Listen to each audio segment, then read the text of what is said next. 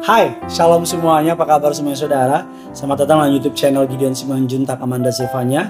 Saya berdoa saudara para kaum rebahan yang lagi rebahan di malam saudara berada biar berkat Allah mengalir hidup saudara, biar segala musizatnya dicurahkan dalam hidup saudara dan saya. Sama-sama tundukkan kepala, kita bersatu dalam doa. Bapak yang baik, Bapak yang kami sembah dalam nama Tuhan Yesus, kami mau siapkan hati kami sambut kebenaran firman Tuhan. Pakai hambamu, jadi saluran berkat, lebih perkataannya diurapi dari surga. Setiap kata kalimat yang keluar, nama Yesus saja dipermuliakan. Hamba berdoa, siapa yang menyaksikan acara ini setiap mereka pasti diberkati Tuhan. Di dalam nama Tuhan Yesus, tapi yang siap diberkati, sama-sama kita katakan, amin. Hari kita akan membahas sebuah tema yang menarik adalah toxic relationship atau hubungan bahasa gampangnya tuh hubungan beracun ya saudara ya. Artinya memasuki sebuah hubungan yang menurut arti secara gampangnya hubungan yang cenderung menghancurkan satu sama lain.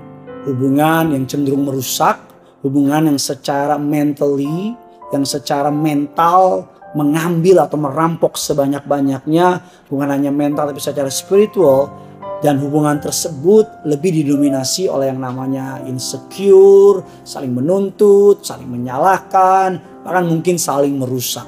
Salah satu cirinya adalah dari toxic relationship adalah kurangnya rasa percaya diri satu dengan yang lain. Mereka kehilangan rasa percaya diri, mereka menuntut eh, percaya diri dari satu dengan yang lain, sering merasa dikekang. Yang paling sering terkenal adalah ke mana-mana harus izin pada bukan orang tuanya Mau motong rambut harus izin, mau makan harus izin, bahkan napas saja kalau perlu harus izin saudara.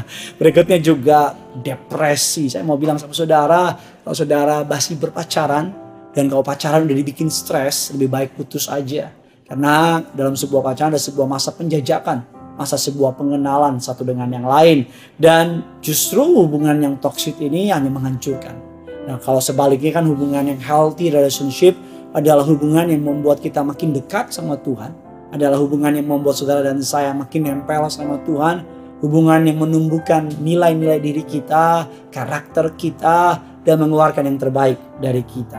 Maka kita akan belajar pada hari ini bagaimana caranya saudara dan saya yang sudah masuk dalam sebuah hubungan toxic relationship saya nggak ngomong soal putusin ya, karena harus diputusin itu udah pasti saudara. Tapi yang mau saya bahas adalah bagaimana saudara dan saya bisa keluar dari hubungan tersebut, pulih dari hubungan tersebut. Yang pertama kita katakan Yakobus 4 ayat yang ke-8, mendekatlah kepada Tuhan, dia akan mendekat kepada engkau. Firman Allah mengatakan untuk pulih dari sebuah hubungan yang telah menghancurkan kita, nggak lain nggak bukan dengan mendekat kepada Tuhan. Saya percaya yang dapat memulihkan hati kita adalah authorized dealernya.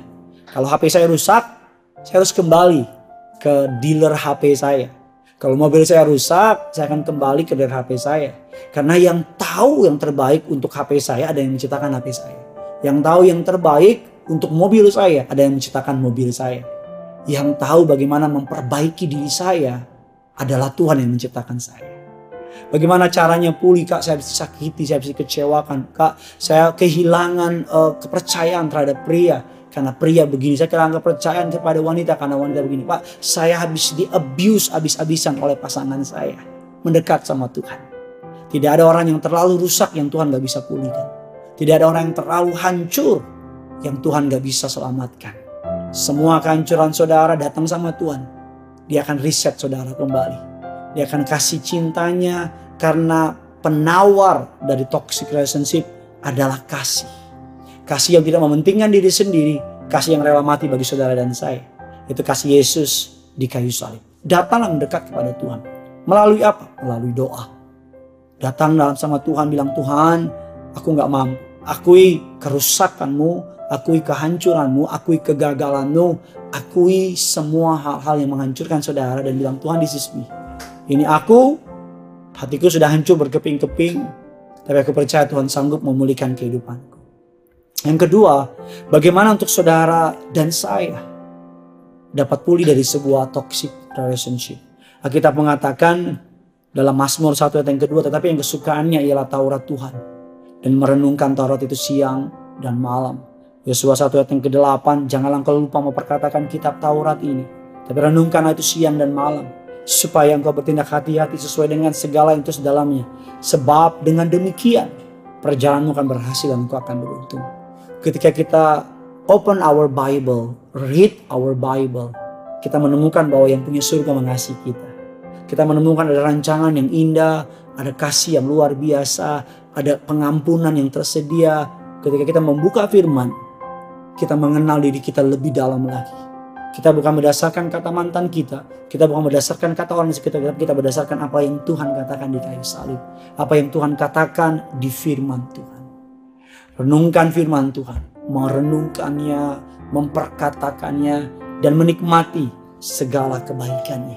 Karena saya percaya dalam firman Tuhan ada kekuatan yang baru. Saya percaya dalam firman Tuhan ada inspirasi. Dalam firman Tuhan ada berkat-berkat yang mukjizat. Berkat-berkat luar biasa musisat-musisat mengalir bagi saudara. Yang ketiga yang terakhir, bagaimana saudara dan saya bisa pulih dari sebuah toxic relationship.